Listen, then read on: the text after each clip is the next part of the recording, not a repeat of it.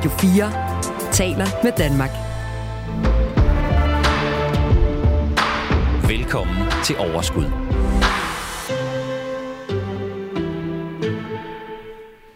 Så er der simpelthen endnu en omgang overskud. Og øh, jeg vil egentlig gerne starte med at anbefale programmet fra sidste uge, hvor jeg havde fyldt studiet med en hel masse, som var med til lige at tage temperaturen på den aktuelle øh, situation, både på boligmarkedet med hensyn til renter, og ikke mindst på aktiemarkedet. Vi talte, vi talte både om Kinas øh, genåbning og øh, alt muligt andet. Så øh, hop tilbage og hør det program, hvis du ikke har gjort det endnu, og du har brug for lige at vide, hvor vi er henne af. Øhm, og så vil jeg bare sige til jer, jeg vil faktisk, jeg vil faktisk sige til dig, tillykke.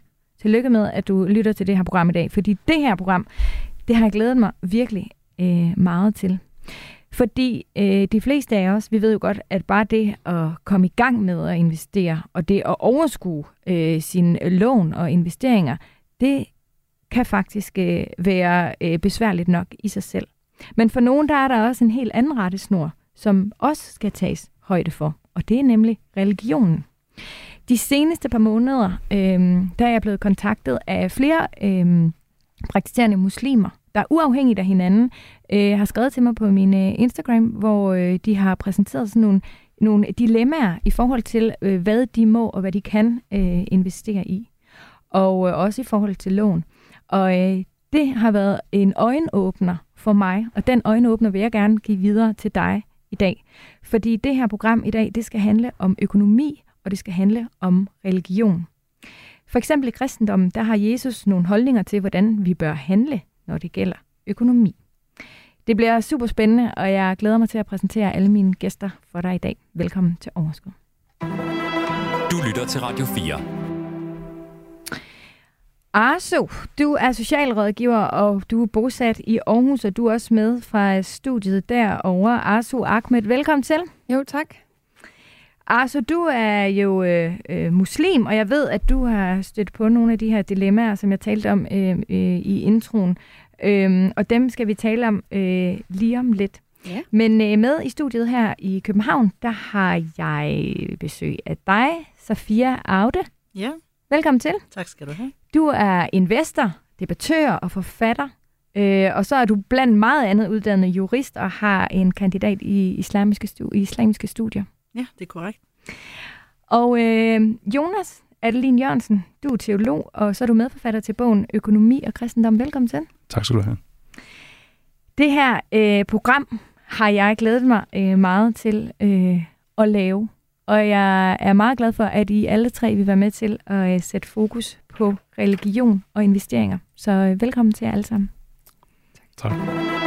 Du lytter til Radio 4. Altså, jeg synes, vi skal starte øh, hos dig. Du, øh, i, ifølge dit eget udsagn, så forsøger du øh, på bedst mulig vis at være praktiserende øh, muslim. Og for knap et år siden, der begyndte du at investere. Kan du prøve at, at sætte os ind i, hvad det var for nogle dilemmaer, du øh, løb ind i? Jamen, øh, det kan jeg prøve. Øh, altså, jeg det med, her, det med investering, det startede sådan lidt under coronaen, hvor jeg fik interesse for det, og tænkte, okay, og så var der nogle, man kunne købe nogle pakker og sætte sig ind i det. Og det gjorde jeg der i 2020. Men så skete der ikke noget derefter, fordi jeg godt se, at det her det var uoverskueligt for mig. Og så sker der det, at øh, jeg desværre kommer ud for en arbejdsulykke, som gør, at jeg er landet i en kasse, som gør, at jeg er ret dårligt stillet i forhold til min pension. Og så tænkte jeg, så må jeg gøre noget. Nu må jeg sikre mig selv på en måde, og det kunne jeg gøre ved at investere i aktier. Mm. Og så øh, prøver jeg nemlig så vidt som muligt at leve efter islamiske regler og min religion. Jeg ved godt, jeg har nogle mangler, men sådan er det. Øhm, men så var der det her med, hvad må jeg investere i, og hvad må jeg ikke investere i, og hvad, hvad er tilladt halal i islam, og hvad er ikke tilladt haram, øh, som ordet, som vi kalder det. Øh, og så ved jeg godt, der er nogle gråzoner inden for det, og det er meget uoverskueligt, men jeg fik sådan jeg, jeg kom frem til nogle ting, der gjorde, at okay, det her, det tør jeg godt at kaste mig ud i. Ja. Øhm, vidste ja. du godt, Arsu, øh, da du, øh, altså, da, vidste du godt, at hvis du ville investere, så var det ikke øh, ligesom mange andre, øh, hvor det jo er besværligt nok i sig selv at sætte sig ind i skatteregler og ETF og enkelaktier og alt muligt andet. Men vidste du på forhånd, at der i forbindelse med din religion lå nogle ekstra øh, besværligheder for dig? Altså, jeg vidste det sådan meget lidt, fordi jeg kommer fra et hjem, der er sådan meget kulturmuslimer. Vi drikker ikke, vi slår ikke nogen ihjel. Vi, alt, alt det der tibudagtige kristendommen. Så det, der vidste jeg lidt fra mine forældre. Øh, det må man gerne, men det er meget gråzone. Det, det er svært. Øh, det, du skal virkelig sætte dig ind i det. Så det har aldrig været noget, de har opfordret til, fordi de, de måske ikke selv har kunne sætte sig ind i det. Øh, så jeg vidste godt, der var lidt, og det var da egentlig derfor, jeg, jeg tænkte, okay, jeg må lige sætte mig ind i det, inden jeg kaster mig ud i det. Så jeg havde en fornemmelse af det. Ja. Men nok ikke, hvor besværligt det var. Og, og, øh, Hvornår gik det op for dig? det var, da jeg sådan selv skulle til at undersøge, og der er også, der, jeg synes også, jeg altså sådan virkelig tænkte, okay, hvad er det for nogle aktier, jeg skal investere i? Hvad er det for nogle metoder? Hvilken, øh, ja, hvad, hvilken virksomheder? Og så kunne jeg bare se, hold det op, det var... Og, og så var der ikke særlig meget... Der, jeg synes jeg stadigvæk ikke, der er særlig materiale om det, særlig meget materiale om det på nettet, fordi... Øh, jeg vil ikke sige, at det er et nyt fænomen blandt muslimer, men det boomede lige så meget, som det er ved, i i alle samfundslag, som vi kan se her på det sidste. Øhm, så jeg havde svært ved at finde nogle imamer, der kunne udtrykke sig om det, eller uddybe det for mig, eller øh, måske nogle engelske hjemmesider, de er især ret fremme i Storbritannien. Øh, der kunne jeg hente noget hjælp. Mm. Men øh, det var svært. Altså det, for mig lyder det næsten uoverskueligt. Altså der er så mange af vores lyttere, der taler netop om det her med, hvor, altså, at det kan føles virkelig svært bare at sætte sig ind i investeringsreglerne. Øhm, og så have det her øhm, oveni, og det giver jo vildt god mening, fordi der er jo virkelig mange, der har hoppet med på investeringsvognen der øh, under ja. corona og siden 2020. Øhm, så, så, så selvfølgelig er det her også blevet en større udfordring. Øhm, Safia, hvad er det? Altså, hvad er det, der er udfordring ved at, at investere? Som muslim? Det, altså, ja, for at sige det meget kort, øh, meget, meget kort historisk, så de fleste muslimer, der bor i Danmark, de, øh, de kommer som flygtninger og indvandrere, såkaldte fremarbejdere. Det vil sige, fra nogle lave sociale klasser kommer man til Danmark. Og i begyndelsen, der levede man meget nøjsomt, og så sparede man op. Og det, man sparede op til sin pension, det sendte man til udlandet til sin familie. Nu hvor øh, rigtig mange øh, muslimer, øh, danske muslimer, er kommet op i mellemklassen, så har man realiseret, at jamen, vi skal ikke sende penge mere til udlandet, vi er her i Danmark, vi er danskere, vi bliver boende her. Hvad skal, hvordan skal vi så øh, finansiere vores pension? Og så er det, som man kommer til øh, tanker, ligesom Arzu lige fremsagde der, eller fremlagde der, øh, hvordan er det, jeg gør det? Hvordan sparer jeg bedst min pension op? Mm. Og hvis man spørger det til en, en almindelig dansker, han er tit lige så uforstående overfor, hvordan man gør mm. som en muslim, så det har man også til fælles med andre danskere, som ikke er muslimer. Mm. Men når man så øh, fordyber sig i det og siger, jamen okay, lad os nu se, hvad min religion siger. Hvad kan jeg investere i? Skal det være aktier? Skal det være ejendom? Og hvordan kan det egentlig foregå? Har der halal, gråzone? Så er det, man støder, øh, ligesom Arzu har oplevet det, øh, man støder ind, imod en væg, fordi de imamer, der skal man spørger, de har ingen uddannelse om det her, ja, i det her emne. Så øh, det er ligesom, man skal lære to ting fra bunden af, ja. hvor man måske sige, at en dansker, sådan en kulturdansker, der ikke er særlig religionsorienteret, måske kun skal lige fordybe sig lidt og tage aktiekurser eller andre ting, og så er man på vognen. Der skal muslimerne i Danmark også tage et islamkursus, fordi både imamer og almindelige muslimer ved lige så lidt om islam og islamiske regler om økonomi, øh, som, som dem, der spørger dem. Ja. Så der er et problem der. Der er en, en kæmpe, øh, et kæmpe potentiale, der skal, der skal hvad hedder det, øh, undersøges ja. først. Og det kan godt øh, gøre folk som Arzo lidt forvirrende, eller meget forvirrende, øh, eller forvirret, fordi hvor går man hen? Hvor finder man rådgivning? Hvad, hvad kan jeg præcis? Ja. Og jo flere informationer man får, jo mere uoverskueligt kan det blive. Ja, og mere forvirrende kan det også være. ikke? Og, og senere i programmet, der vender vi tilbage til, hvad det er, man så faktisk har mulighed øhm, for at gøre. Men, men Sofia, det er virkelig en interessant pointe, det du kommer med der, at man måske tidligere har haft nogle jobs, hvor der måske heller ikke var, øh, hvad hedder det, mm, øh, arbejdsgiverbetalt pension i sig selv. Altså, at man jo netop, så har man sat pengene hjem til, øh, til, til hjemlandet, men, men øh, men i dag er virkeligheden jo, altså heldigvis øh, forandret den sig, og, og den virkelighed, der er i dag, er, er noget anderledes. Men vil det sige, at det er jo selvfølgelig også, hvis man har en arbejdsgiverbetalt pension, så ha, altså det, det indbefatter jo selvfølgelig også pension, de regler. Det, det er egentlig ikke kun pension, for som jeg siger, øh, folk er kommet op i mellemklasseniveau nu. Jamen, og jamen, mellemklassen, det, det ønsker villa og vovse og, ja, ja, og biler. Jamen, det er med på, men det er også, også pension. Men der kan jo være ja. praktiserende muslimer, som har en arbejdsgiverbetalt pension, mm. som så har den investeret i øh, PFA eller i et stort pensionsselskab. Ja. Altså det er jo først nu inden for de sidste 10 år, det er blevet begyndt at blive ja. trendy at lave etiske investeringer. Skal, skal mit pensionsselskab investere i våbenbrug i Kina osv.? Ja. muslimerne har de samme overvejelser, bare på måske nogle andre områder. Ja. Men det er ikke kun pension, det er også ejendom, for jeg vil Mm. gerne have en, en lejlighed, en ejerlejlighed. Ikke? Ja. Altså, Der er udfordringer med lån også, og det vender vi nemlig tilbage til øhm, lidt senere også. Men, men Safia, kan du, kan du fortælle, hvad er det, Koranen siger i forhold til investeringer? Altså i forhold, hvad, hvad er det, man ikke må? Man, man kan ikke bare gå ind og slå Koranen op. Koranen er ikke ligesom et opslagsværk, hvor man siger, jamen, det slår vi op, og, og så er vi sikre øh, på den, altså til dommedag. Vi har Koranen, vi har, udover Koranen, så har vi hadis og sunnah, det vil sige profetens sædvaner og det, han har sagt. Og den er meget større mere omfattes, øh, omfattesrig. Og så har vi også en masse fortolkninger efterhånden gennem århundreder, øh, hvor man skal gå ind i det. Så det, det er ikke bare at slå Koranen op. Man bliver nødt til at forholde sig til rigtig mange religiøse kilder, og, og selv de lærte er jo uenige, fordi islam er decentral. Så der er mange lærte, der har måske forskellige meninger. Den ene lærte siger, okay, det er okay, den anden lærte siger, nej, det er ikke okay, jeg holder mig med noget andet. Og jamen, hvem skal jeg så lytte efter? Så det er ikke bare det, at man kan slå op i Koranen. Men hvis man nu slår op i Koranen, så er der sådan nogle værdier som for eksempel retfærdighed, øh, lighed, og så er der værdier om, øh, altså, hvad kan man sige, forbud mod snyd, forbud mod udnyttelse, men der er ikke et forbud mod at blive rig og selv arbejde og knokle og tjene på det, man har. Men man skal også huske at dele, og vi har jo det her zakat, hvor man 2,5 procent skal man reinvestere i samfundet, og det gør man for de mennesker, som for eksempel er fattige eller på rejser, eller er syge, eller enlige, eller enke og børn osv.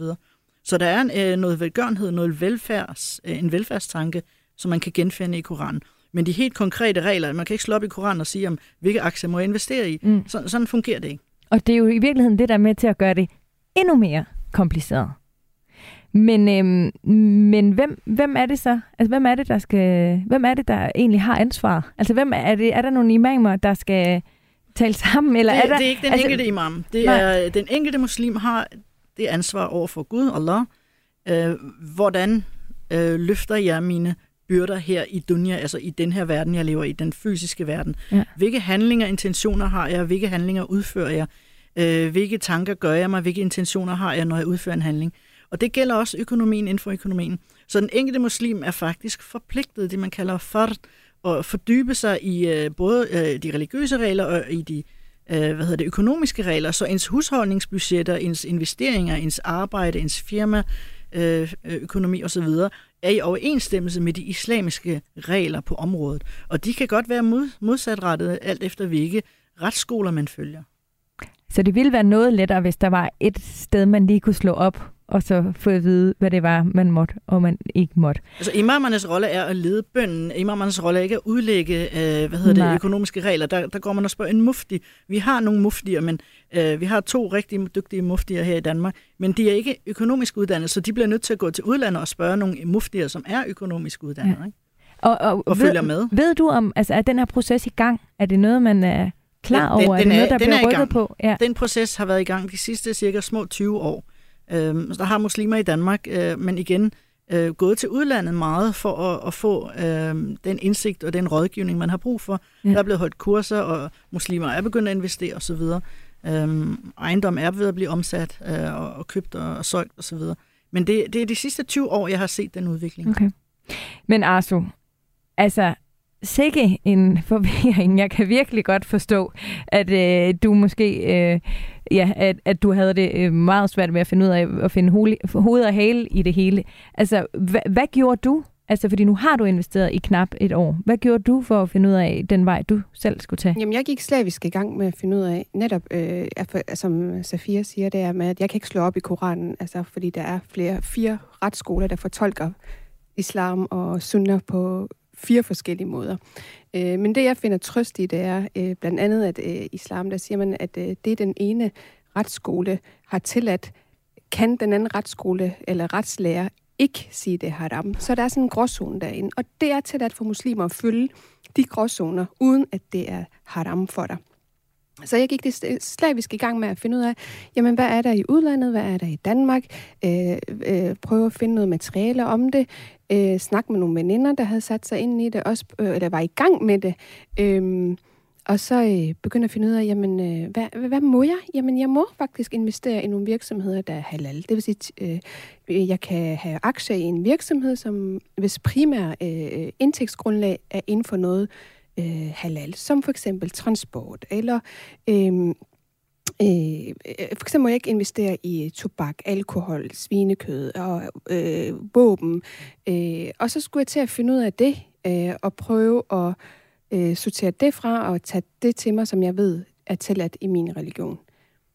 Ja. Og så var der jo, at det har vi snakket om, det kommer vi ind på lidt Mm, senere, det der med renter, fordi så er det ikke nok med, at man finder, hvilken virksomheder der er tilladt, så skal man også finde ud af, øh, jamen, øh, er der nogen, altså jeg må, ikke, øh, jeg må ikke investere i nogle virksomheder, der decideret kører deres virksomhed på renteindtægter.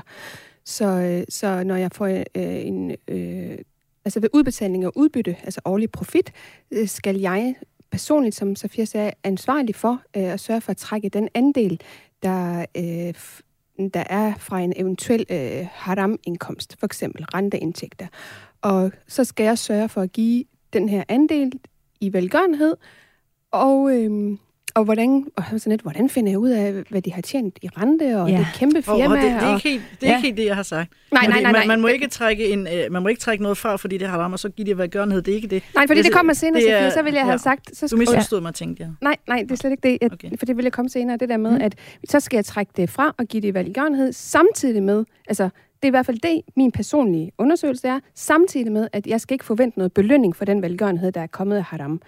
Øh, så, så på den anden side, der skal jeg ikke regne med, at jeg får noget på min øh, øh, vægt øh, af godheder, når der skal gøres, øh, regnskabet skal gøres op.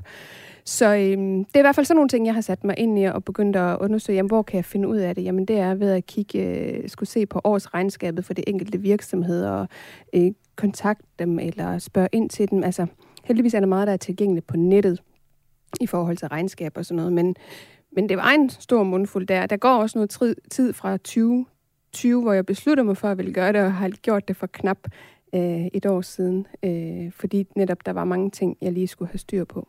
Jeg forestiller mig ikke, du er sådan en daytrader eller sådan noget. Altså, det må være... Nej, jeg har så valgt den sikre måde, men jeg har faktisk lige øh, været til, ikke møde, men sådan en, i går var jeg sammen med en veninde, der virkelig investerer, øh, og hun gør det selv, øh, og vil høre, hvordan, øh, og for jeg vil kaste mig ud i det. Ja. Men nej, det gør jeg ikke Nej. endnu. Nej, men, men prøv lige, jeg skal bare være helt sikker på, at jeg forstår. Det vil sige, hvis du har udbytteaktie, og du får et øh, profit, et afkast i løbet af året, så går du ind for at kigge på virksomhedens regnskab for at se, hvor, mange, hvor meget af det her afkast er kommet fra rentebaserede øh, indtægter igennem virksomheden, og så giver du den del til øh, møderhjælpen eller øh, et eller andet. Ja, Altså til uden at forvente, at jeg får øh, plus i min regnskabsbog. Altså uden at forvente, at jeg får en belønning på den anden side. Fordi i islam, der tror man jo på, gør man en god gerning, så bliver man belønnet for det. Gør man noget dårligt, så bliver man stillet til regnskab for det. Ja. Øh, og Så det, er ikke, det skal ikke ses som en god gerning. nej, Nej. det skal det ikke. Det Det, det, det. skal bare, du Ja. skal have det ud af dit system. Ja. Og så er det op til øh, mellem dig og din Gud at, at holde regnskabet på den måde. Safia, jeg kan ikke lade være med at tænke, at mange af de her, lad os sige, transportaktier, altså nogle af de her virksomheder, mange af dem har jo en eller anden form for bankaktiv med renter, eller har måske, altså, øh, jeg, kan, altså Jeg, jeg forstår, hvad du mener. De, de tager jo også lån og så videre. Ja, præcis. Ja. Ja. Ja, jeg, jeg kan sige kort, altså selvfølgelig det er en, en livsvarig proces at sætte sig ind i de her regler. Og det kan virke uoverskueligt for øh, altså menigmand. Ja. Men så er der heldigvis, der er heldigvis øh, det, man kalder aktieportføljer, man kan sammensætte, altså fonde, ETF'er, øh, som man kan investere i, som er islamisk certificeret, ligesom man halal-certificerer øh, for eksempel produktion af kosmetik og slagtning osv., så, videre, så kan man, er der også halal-certificerede aktieportføljer. Øh, og hvis man for eksempel handler på Saxo Bank, der kan man investere i flere forskellige islamiske øh, fonde, som er sharia, øh, altså der er et sharia-rådgivningsråd, der har certificeret de her fonde med, at de kun handler med aktier, som er i overensstemmelse med de islamiske regler efter den og den retsskole.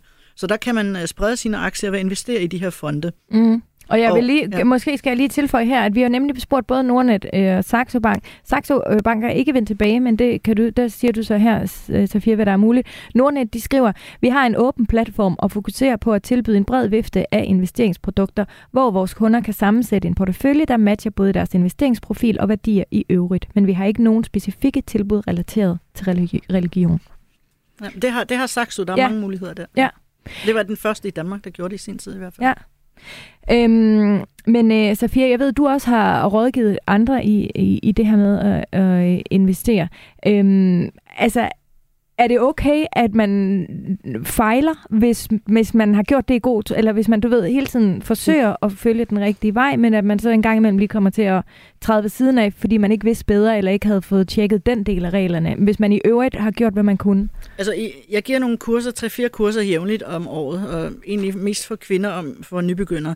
Og der, der prøver jeg at give dem nogle redskaber, som man pejler efter, når man investerer. Mm. Og så kan man sige, jamen hvis de bedste intentioner er der, opdager man, der er en fejl, jamen så holder man sig fra det, og så bliver man ikke dømt på den her fejl, fordi man var uvidende om det. Men når jeg så har givet de her pejleredskaber, så kan man faktisk navigere rigtig godt på for eksempel aktiemarkedet eller ejendomsinvesteringsmarkedet, når man har de her pejlemærker. Okay. Og det du spurgte om, det er for eksempel, at hvis et firma sælger helt halal-produkter, lad os se, de, de sælger franskbrød. Ja. men samtidig så optager de også lån og forsikringer osv., Mm så er der den her regel med tredjepart, fordi du handler jo med den, du bliver medejer af et firma, hvor du handler, øh, hvor du sælger og køber ejendel eller andele af det her firma, men du er ikke ansvarlig over for, hvad bestyrelsen gør, fordi du har ikke givet grønt lys. Men hvis du sidder ved en, en generalforsamling og giver bestyrelsen grønt lys med din stemme til at optage øh, for eksempel forsikringer, som ikke er tilladt inden for islam, så har du jo med til at, at afislamificere det her øh, produkt, som du troede, du kunne investere i. Så der, der bliver man nødt til at kigge på, hvad gør de andre, hvad gør jeg, og hvad er min forbindelse til, hvad de andre gør. Forsikringer. Vil du prøve lige at sætte nogle ord på, hvorfor det ikke er tilladt? Jamen, øh, faktisk, øh, jeg plejer, altså når jeg siger det, så bliver folk lidt chokeret, men mm. samtlige øh, praktiserende muslimer i Danmark vil ikke kunne køre bil i dag, fordi bilforsikringer, kaskoforsikringer osv. er ikke i overensstemmelse med de øh, islamiske regler for forsikring. Så der er, der er en kæmpe hurdle, øh, men så er der det der Må være med indbo og ansvar, forsikringer og Nej, alt den, sådan den måde forsikringssystemet er bygget op på i Danmark, øh, øh, clasher med de islamiske regler for forsikringsopbygning. Det, det er sådan lidt nørdet, og jeg vil ikke Ja. bruge så meget tid til Nej, det her det skal program. vi heller ikke. Men, Men, men det er øh, en af de ting, man også skal tænke på, for eksempel. Men altså, det, der, der, det kan også være, der er noget, der skal opdateres lidt. Eller jeg, jeg ved ikke, hvordan man kan sige det. Men altså, det, hold da op, der, det kan jo virkelig have store konsekvenser.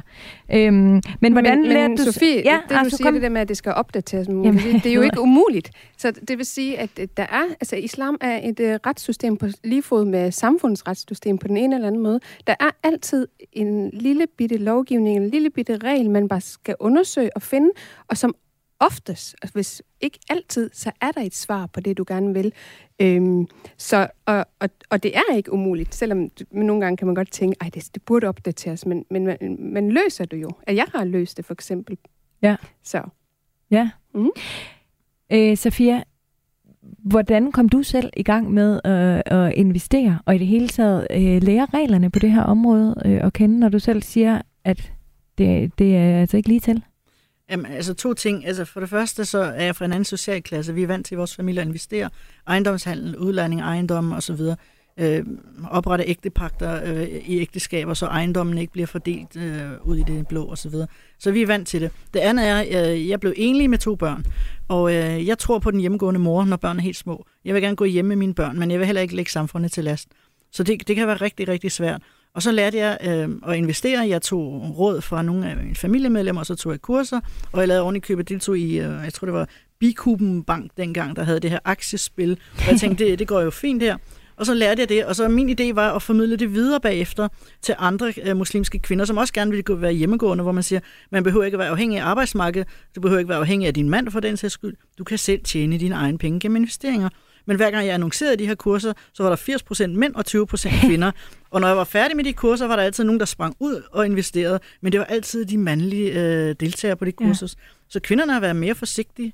Øhm, og senere gik de så også med, lad os kigge på din pension, lad os kigge på sådan og sådan. Ja. Øhm, Men øh, i dag siger du, at det er primært kvinder, der kommer til dine... Ja, mit, Øh. mit mål var at give det til kvinder, men man kan, jeg kan jo ikke sige til kurset, at I må ikke være med, fordi, øh, fordi I er mænd. mænd. Altså, men de, der kommer flere mænd stadigvæk. Men Nå, der er okay. flere og flere kvinder, der er en god udvikling i øjeblikket. Og Ja. hvis man gerne lige vil øh, være med på den her vogn og lære lidt mere om det her, hvor får man så fat i dig hen? Jamen, altså jeg siger altid, er man mindst 12 mennesker og har et sted, øh, og har man fire weekender til rådighed, så giver jeg gerne kursus gratis med, med vederlag mod de øh, hvad hedder det, parkeringsafgifter, og hvad jeg ellers skal bruge dat sæt. Ja. Og det er helt basale kurser, kurser både i økonomi og islamisk øh, økonomi og finansiering. Og er det bare øh, Safia Aude? Det finder man simpelthen, når man Ja, googler. man kan finde mig på Facebook og alle mulige andre steder. Godt. Er over det hele. Dejligt. Du lytter til Radio 4. Lige om lidt, der skal vi tale øh, lidt mere specifikt om, hvad det også kan have af udfordringer, når man optager øh, lån. Men øh, jeg synes også lige, at vi skal prøve at rykke lidt over i øh, nogle andre øh, religioner. Som jeg sagde tidligere, så er jeg øh, primært blevet kontaktet af muslimer, som havde udfordringer i forbindelse med at øh, investere. Øhm, men øh, det laver selvfølgelig om på, at jeg også fik lyst til lige at kigge på nogle af de andre religioner og se, hvad er der øh, ellers af udfordringer.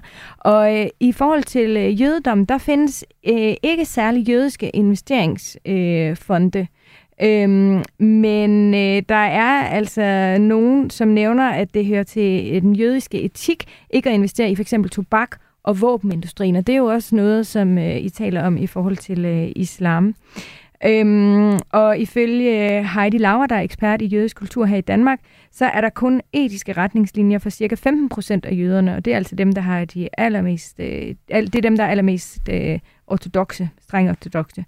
Øhm, man må ikke tage renter fra andre jøder, men man må godt investere og få et afkast, men altså ikke noget med at tage renter i klassisk forstand. Det minder lidt om øh, det, som øh, vi skal tale om senere, også i forhold til øh, islam. Men så har vi jo kristendommen, og der har vi jo også dig med i dag, øh, Jonas.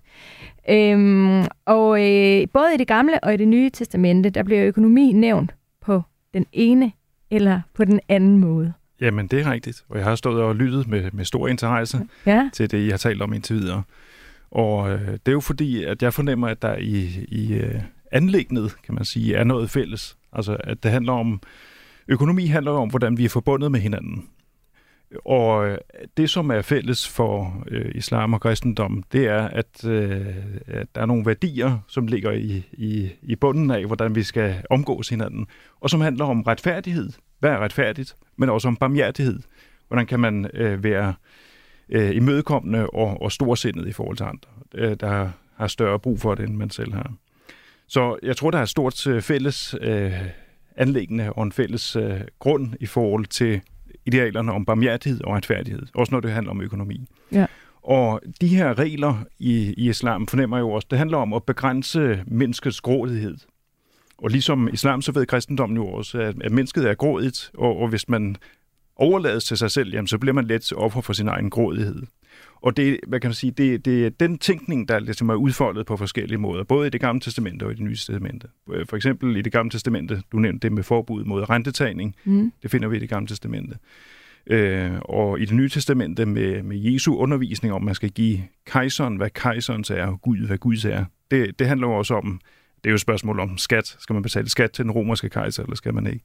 Men hvor, hvor hvad kan man sige, spørgsmålet om den, den fælles verden, vi er en del af, og så den økonomi, vi er på den måde også er en del af, og vores teologi eller tro og Guds forhold, hvordan spiller de ting sammen? Altså, de hænger jo sammen, for det er jo den ene og samme verden, vi taler om. Men, men hvordan skal vi navigere i det, og hvad er det, vi skal være opmærksomme på? Ja. Og også videre i den kristne tradition, øh, både på, øh, altså i, i Oldkirken var der jo et, et stærkt fattigdomsideal.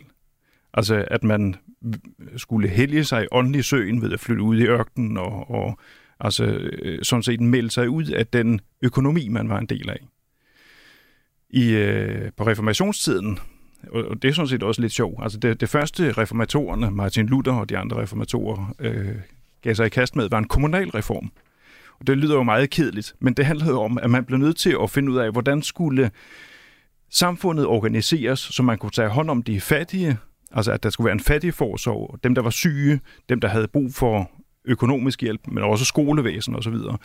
Øh, altså, og, øh, og det er jo egentlig det, at de her værdier, barmhjertighed og retfærdighed, så bliver tænkt, kan man sige. Altså, hvad er det for et samfund, vi vil have med hinanden? Og derfor også, hvad er det for en økonomi, vi vil have med hinanden? Mm.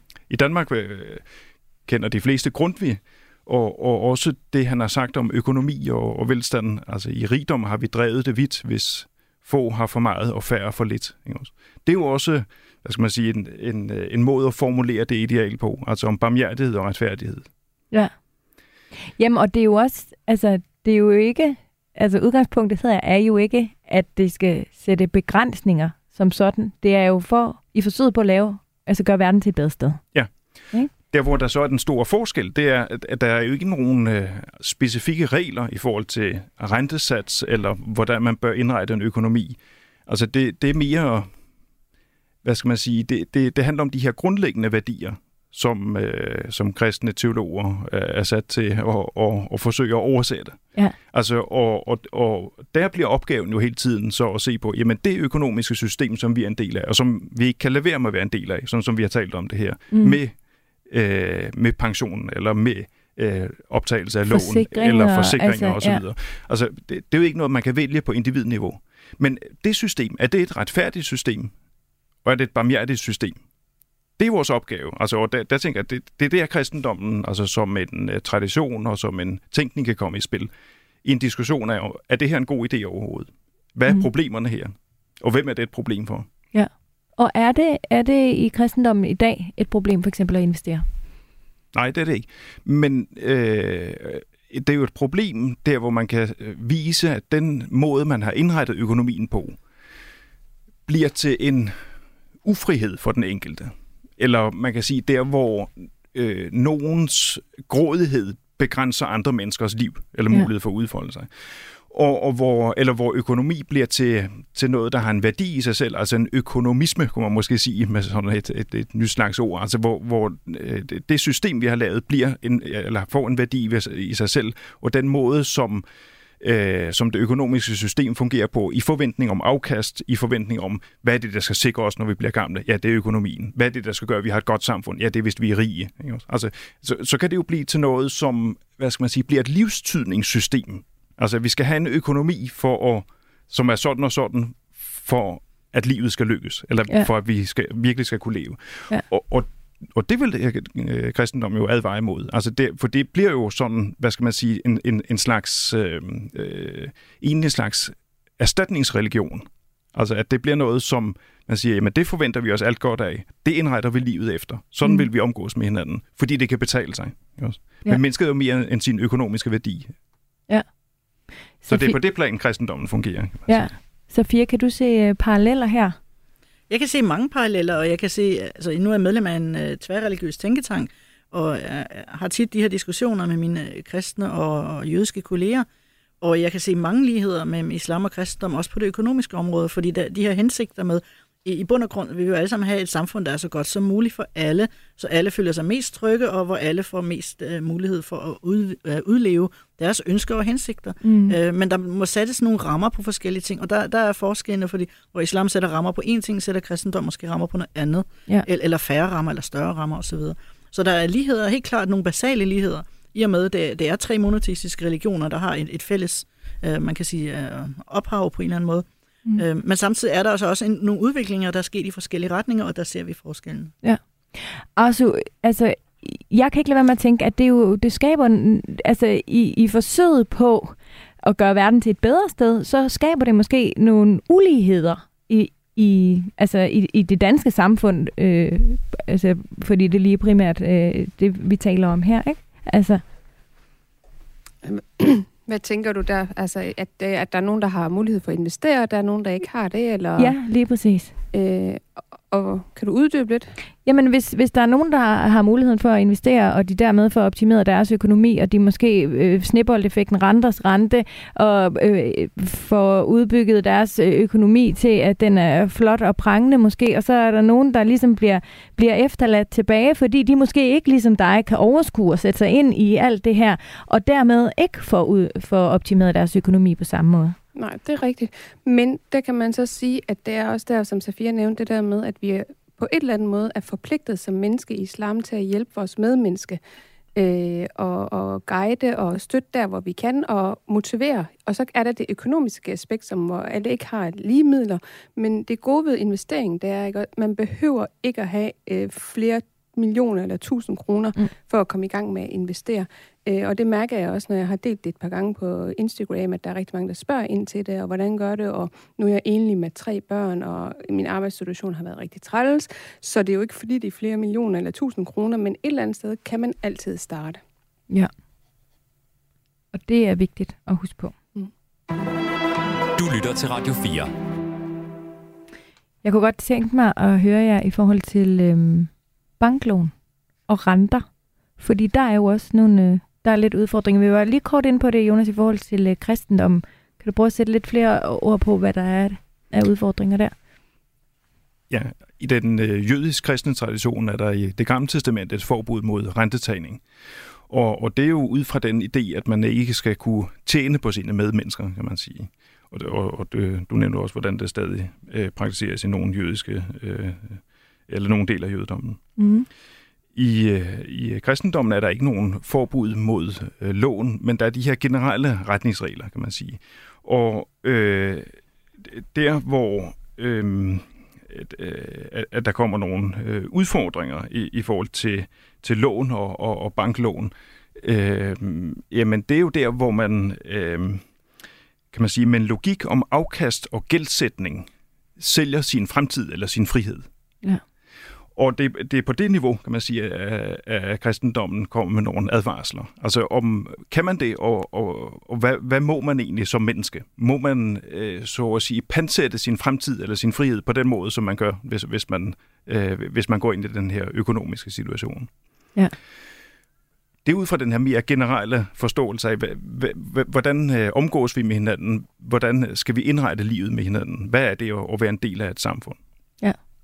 På reformationstiden, der foreslog Luther, som jeg nævnte tidligere, at i stedet for at have våbenskjold på mønterne, så burde man have et brød, for at minde sig selv og fyrsterne om, at det som fyrsterne skulle, det var at sørge for fred, så bønderne kunne dyrke korn, så man kunne købe brød på markedet. Ja. Og det er jo en, hvad skal man sige, det er jo det er bare en idé eller noget symbolsk, mm. men det handler om, hvad er det, vi vil med vores økonomi? Altså, og hvad skal man sige, er det økonomien, der skal understøtte menneskelivet, eller er det menneskene, der bliver en ressource i økonomien, altså som skal understøtte en økonomi ja. for nogen eller for nogen andre? Mm. Og, og, og den tænkning, tænker jeg, at der er stor brug for, altså selvom den ikke er så almindelig. Ja. En af mine gode venner, han er kristen, og vi taler utrolig ofte om det, fordi han vil ikke have lån. Og det er simpelthen, han siger lidt ligesom, eller fuldstændig det samme, som du siger nu, det, jeg mister min frihed. Og det, det er jo for mig, som har øh, diverse lån, øh, en, altid en interessant øh, snak at dykke ned i. Øhm, Safia, hvordan øh, forholder det sig i forhold til islam og det med at tage, optage lån? Jamen, det kommer an på, hvad det er for nogle lån. Og i Danmark har vi to typiske lån. Man kan tage det banklån, og det er realkreditobligationslån. Og problemet med banklån er, at man kender prisen, men man kender ikke afdragene, fordi renten kan skifte. Øhm, øhm, og ved obligationslån, så er der et kurs, så der er nogle andre ting øh, i spil her. Der er både renter, fordi islam har et princip, der hedder rarar. Det vil sige, at øh, usikkerheden, det prøver man at undgå. Og det er derfor, at islamisk økonomi har fået sådan et stort boom under alle de her bobler, fordi alle dem, der investerer i bobler, de går tilbage til islamisk økonomi på verdensplan, fordi den er risiko, altså, risikoen er mindsket for tab, og selvfølgelig også for gevinst. Så det er en meget lille gevinst, man får, men også et lille tab, og det er sikre øh, økonomier, man går efter der. Men tilbage til lånene. Øh, problemet er ikke kun renterne, problemet er også, at øh, banklån og obligationslån bliver handlet, og man kan ikke handle med gæld. Så hvis man øh, som muslim skal tage et lån, så det allerbedste lån, man anbefaler, det er faktisk det, der hedder et, øh, et øh, godartet lån, hvor man, hvor man siger, at man giver et lån. Hvis jeg, nu nogen spørger mig, så giver jeg et lån til vedkommende. Jeg, spørger ikke, jeg siger ikke til ham, hvornår jeg vil have det tilbage. Det er op til hans samvittighed at betale tilbage. Og man kan jo godt sige, at i den her meget materialistiske verden, vi lever i, så er det, så er det ikke særlig smart at give sådan et lån, selvom Nej. det er det, man får mest belønning for. Men så må man, har man nogle udgifter, selvfølgelig en bank har nogle udgifter i forbindelse med et lån, men så skal lånet være rentefrit på den måde, at de udgifter, dem betaler man med det samme. Den er man enige om at betale fra begyndelsen af. Og de afdrag bliver ikke ændret på noget tidspunkt øh, hen ad vejen. Så man skal kende sin fremtid. Så der er lidt det der med fremtid, det er vigtigt. Men også frihed, fordi lån er, man afgiver lidt af sin frihed ved lånen. Og det er islamisk set, så er det bedre, at man ikke har lån. Men det er tilladt, så længe det ikke er rentebaseret lån, og så længe gælden ikke bliver handlet. Jeg kan ikke, hvis nu Øhm, for eksempel, du øh, tager et lån, og du gider simpelthen ikke betale, og det gider jeg ikke bruge min tid på, så jeg sælger dit lån til en tredje part. Så kan han bruge tiden på at, at jage dig, og så har jeg i hvert fald nogle af pengene tilbage. Sådan må man heller ikke. Så det der med lånehandel, som foregår i Danmark blandt andet, er lovligt, det, det kan vi ikke. Ja. Gældsbrevshandel og sådan noget, det kan man ikke islamisk set. Arso, har du øh, nogen lån? ja, det har jeg. Jeg har et hus. Ja. Jeg ejer, ja. Og øh, det var derfor, jeg gjorde rigtig meget ud af, at når, da du skulle præsentere mig, sige, forsøg at være praktiserende muslim, fordi ja. Jeg ved, jeg har nogle mangler, jeg ved, jeg er slet ikke perfekt, og, øh, og jeg ved også, der er nogle haram i mit liv. Og, der, og jeg øh, under min, øh, taler det ikke på nogen måde, når der er nogen, der spørger mig ind til det. Ja, det er desværre øh, rentelån, og jeg siger desværre, for jeg er rigtig, rigtig træt af det. Men øh, det er en prioritering, det er et valg, jeg har taget, og jeg ved øh, sådan religiøst set, jeg bliver stillet til regnskab for det på den anden side, og det er mellem Gud og mig, det er jeg ikke i tvivl om. Øh, det, er, det, det er et valg, jeg har truffet og har taget. Men hver gang der er en mulighed, der jeg kan se en lille åbning for, at jeg kan komme ud af det og få stadigvæk beholde mit hus, og samtidig få et rentefrit øh, lån, øh, det undersøger jeg. For eksempel, da vi skulle bygge hus med mit daværende øh, mand i 10, øh, 2010, der øh, var vi ude og snakke med nogle forskellige banker, blandt andet Amanda Bank, for at høre, hvad er mulighederne. Det blev bare ikke en realitet. Der var mange ting, der ikke øh, faldt på plads. Her for øh, seks måneder siden, der har jeg undersøgt sådan en øh, Nordea Kredit, øh, ja det hedder så fint, SDR 2043 lån. Det, det er fordi, det er, det er sådan en virkelig øh, 20-årig øh, det hedder nul rente faktisk, men så er bidragssasten øh, låst, og der er administrationsgebyr, som, som er fastlagt, og man betaler på forhånd. Men fordi jeg er enlig øh, og har egentlig ret god økonomi, men fordi det er 20 år, så er det så vanvittigt højt, øh, hvad kvartal man skal betale, og som egentlig øh, kunne banken ikke øh, stå ind for øh, på den måde og give mig lov til at gøre det.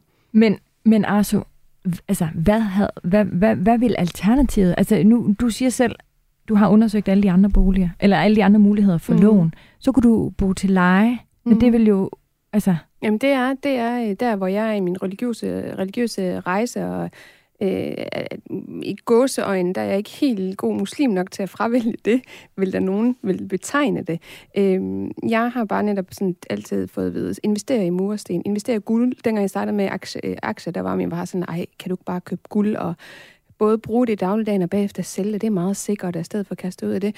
Men, men det er bare en anden måde, fordi vi er i en generation, der er højere uddannet end vores forældre. Vi har flere midler i hænderne, og vi vil noget andet i det her land, hvor, hvor det er vores land, og vi skal blive her. Så, øh, så øh, var hus... Øh, det er det, jeg har valgt at købe hus på den måde. Jo, jeg kan sikkert bo til leje, men det, det vil jeg ikke. Mm, og, altså, du siger, det er imellem dig og din Gud. Ja. og hvad er det, altså hvad er det, der kan ske ved, at du har det her lån? Jamen, men altså, det er netop der, hvor øh, det kommer igen. Det er haram. Og, og det, er, det, er, det har Allah sagt, og det, det må jeg ikke. Der er nogle regler, og hvis jeg gerne vil være god praktiserende muslim, så skal jeg følge de regler øh, inden for islam. Det er jeg med på, men, men hvad er det så? Hvad, du tænker, der hvad er straffen, konsekvensen? Hvad konsekvensen ja. er, det kan jeg jo ikke vide. Altså, øh, det, det, det er virkelig øh, i sidste ende i Allahs hænder, hvis man kan sige på den måde. Det, det er, jeg ved, der er en straffe, men hvordan og hvorledes, det kan jeg ikke udtale mig om. Men kan du forstå, hvis der er nogen, der ligesom tænker, du er en sej kvinde, der har taget ansvaret, ikke bare for din økonomi, men også for tre børn, mm. og knokler for at få det til at hænge sammen. Du har haft udfordringer arbejdsmæssigt. Mm og du knokler garanteret også for at betale af altså ja. på det her lån, og få økonomien generelt til at hænge sammen. Mm. Hvis din Gud vil dig det godt, ja. er, er det så ikke okay? Mm, jeg kan godt forstå, at de siger det, men øh, fra samfundsmæssigt aspekt, øh, som øh, Jonas også var inde på, det der med retfærdighed og barmhjertighed, så kan jeg godt se, at min Gud ikke vil have mig til det, fordi det er ikke retfærdigt. Netop du også selv spurgt mig det spørgsmål, er det retfærdigt, at, du, at, at der er ulige vægt i samfundet på den måde, at jeg, ja, der er nogen af os, der har råd til det, og kan og overskud, og så er der nogen, der ikke kan. Så fra mm. det aspekt kan jeg godt se, at øh, nej, det... Du arbejder som socialrådgiver, du har tre børn og mm. du giver til velgørenhed. Jeg, jeg, ja, jeg tænker bare, at regnskabet øh, må gå op, men, men det er jo selvfølgelig også øh, fra en ikke-troende øh, Altså som sagt, muslim. islam er en meget retfærdig, øh, og jeg, jeg retfærdig religion på den måde, at jeg tror på min Guds barmhjertighed, ja. når jeg nu har gjort det. Men jeg, det er også på den måde, det er, at, at øh, islam, det den måde, man bliver straffet på eller belønnet på, det er faktisk lidt ligesom et retssystem. Hvis du går ud og dræber et menneske i øh, samfundet, men der er en anden en, der lige for at lige sammenligne det, går ud og dræber et menneske også, men den ene dræber og melder sig selv, den anden dræber, parterer det eller rundt i byen, det er ikke den samme straffe, man får. Der bliver man vurderet på en anden måde i retssystemet i samfundet. Og præcis sådan er islam. Det er, det kan godt være, at du begår en haram, men din bedømmelse af straffe, det bliver der kigget på individuelt og med, fra forskellige aspekter. Og øh, med, med, det kan godt være, at man begår haram på en eller anden måde, men, men, men bliver afregnet på forskellige vis. Der er og jeg, noget vurdering med Vurdering i det, og, og det er mm. op til Allahs retfærdighed og Allahs barmhjertighed, og den stoler jeg på.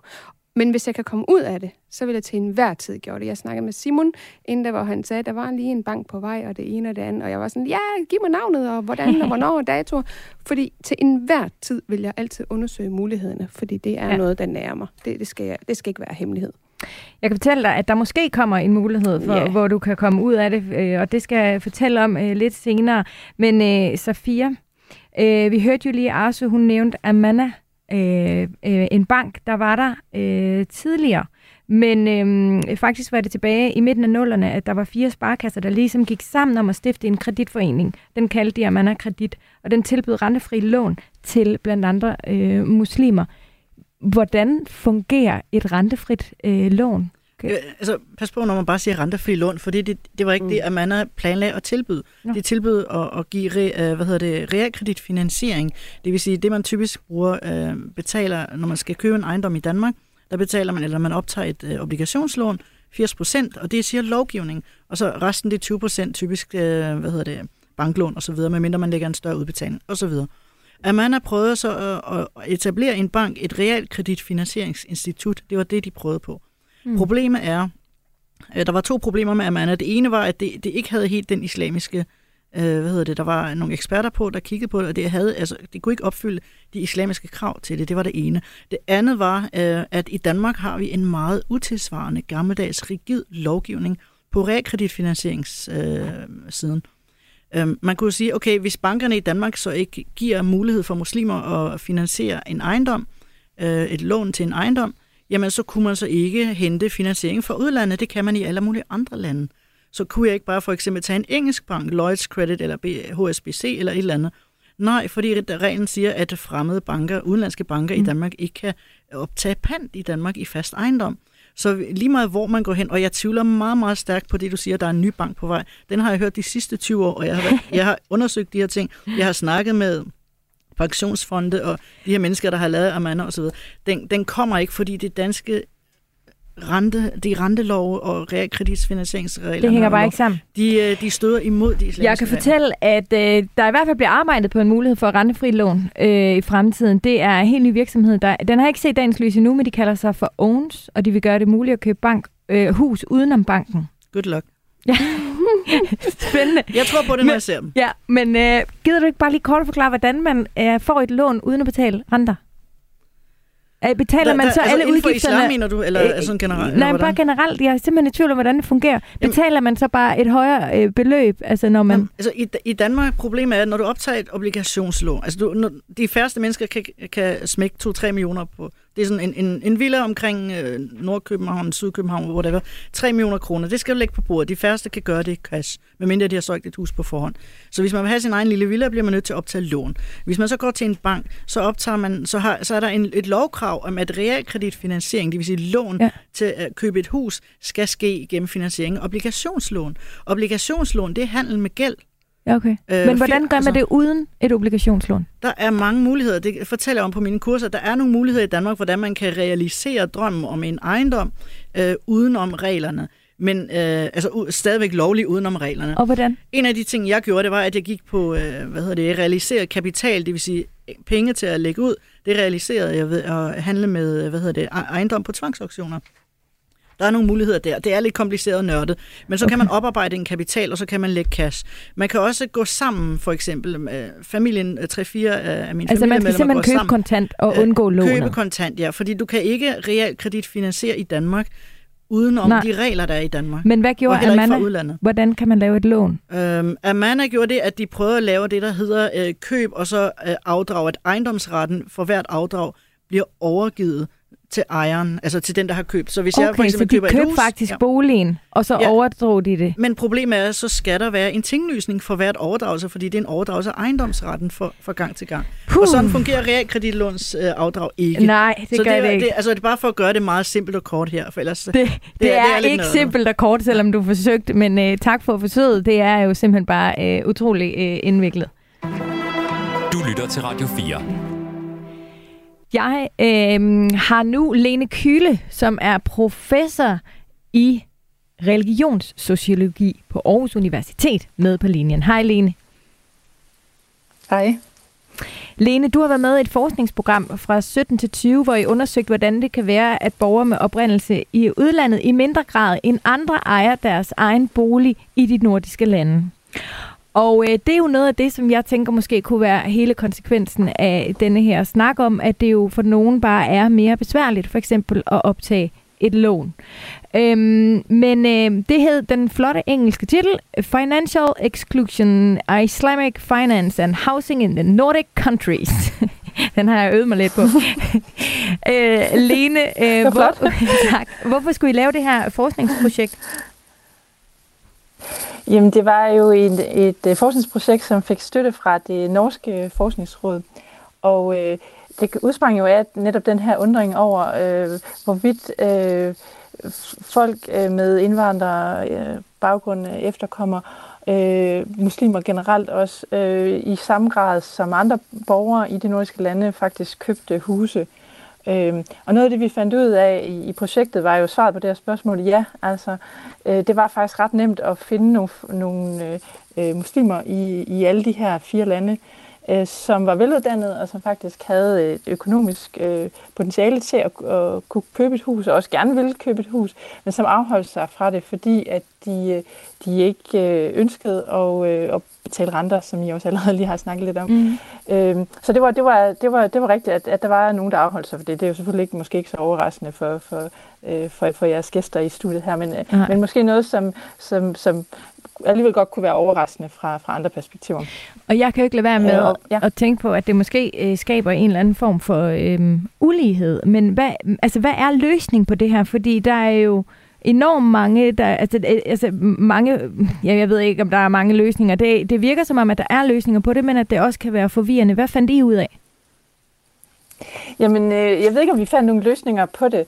Altså, øh, man kan sige noget af, at det, der kom frem i, i, i forskningsprojektet, var jo selvfølgelig, at, at øh, at, at der var, det var en stor diskussion øh, blandt muslimer, det her, og også netop en, en overraskende stor diskussion i virkeligheden, at det var en, en, en sådan generel overvejelse, som mange muslimer øh, havde, øh, øh, om det her med, hvordan man bedst øh, lever som muslim, at det altså også havde de her økonomiske øh, øh konnotationer, kan man sige, øh, økonomiske undertoner. Øhm, men, men spørgsmålet er jo selvfølgelig, hvad man siger, hvem, hvem kan egentlig løse den her, det her problem? Man kan sige, men øh, øh, muslimer kan jo gøre, øh, som, som Arsu jo gør, sige, så alligevel tage et lån. Ikke?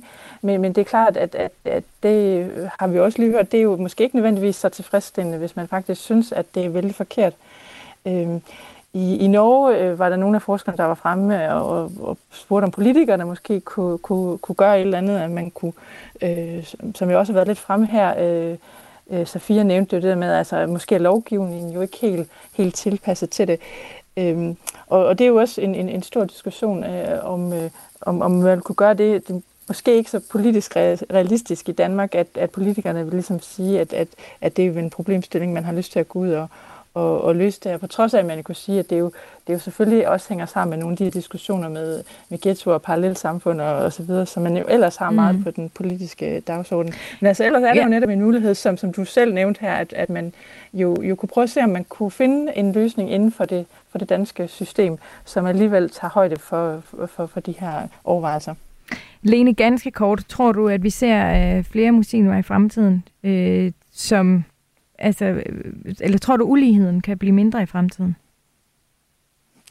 Jamen, jeg, jeg øh, synes jo, det er jo interessant at se på netop om, om de her, den her gruppe, som jeg i øjeblikket jo arbejder på en model øh, for øh, en boligfinansiering, øh, som skulle være øh, i overensstemmelse med, muslim, med muslimske øh, øh, forståelser af, af, af renter og, øh, og økonomi, om, om de faktisk kommer med et produkt, som er brugbart.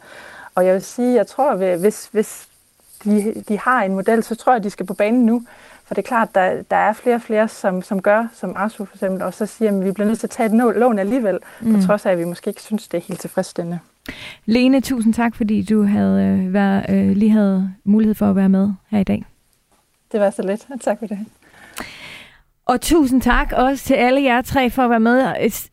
Tiden gik enormt hurtigt. Det var virkelig interessant øh, at, at høre om øh, Safia Aude, Arsu Ahmed og Jonas Adeline Jørgensen. Tusind tak skal I have alle tre, fordi I var med. Tak. Tak, tak fordi I var med. Tak. Programmet er øh, tilrettelagt af mig selv og af Simon Helberg. Find mig på mine sociale medier, eller hop ind på Facebook. Øh, der har vi en, en gruppe, der hedder Overskud Radio 4. Tak for i dag.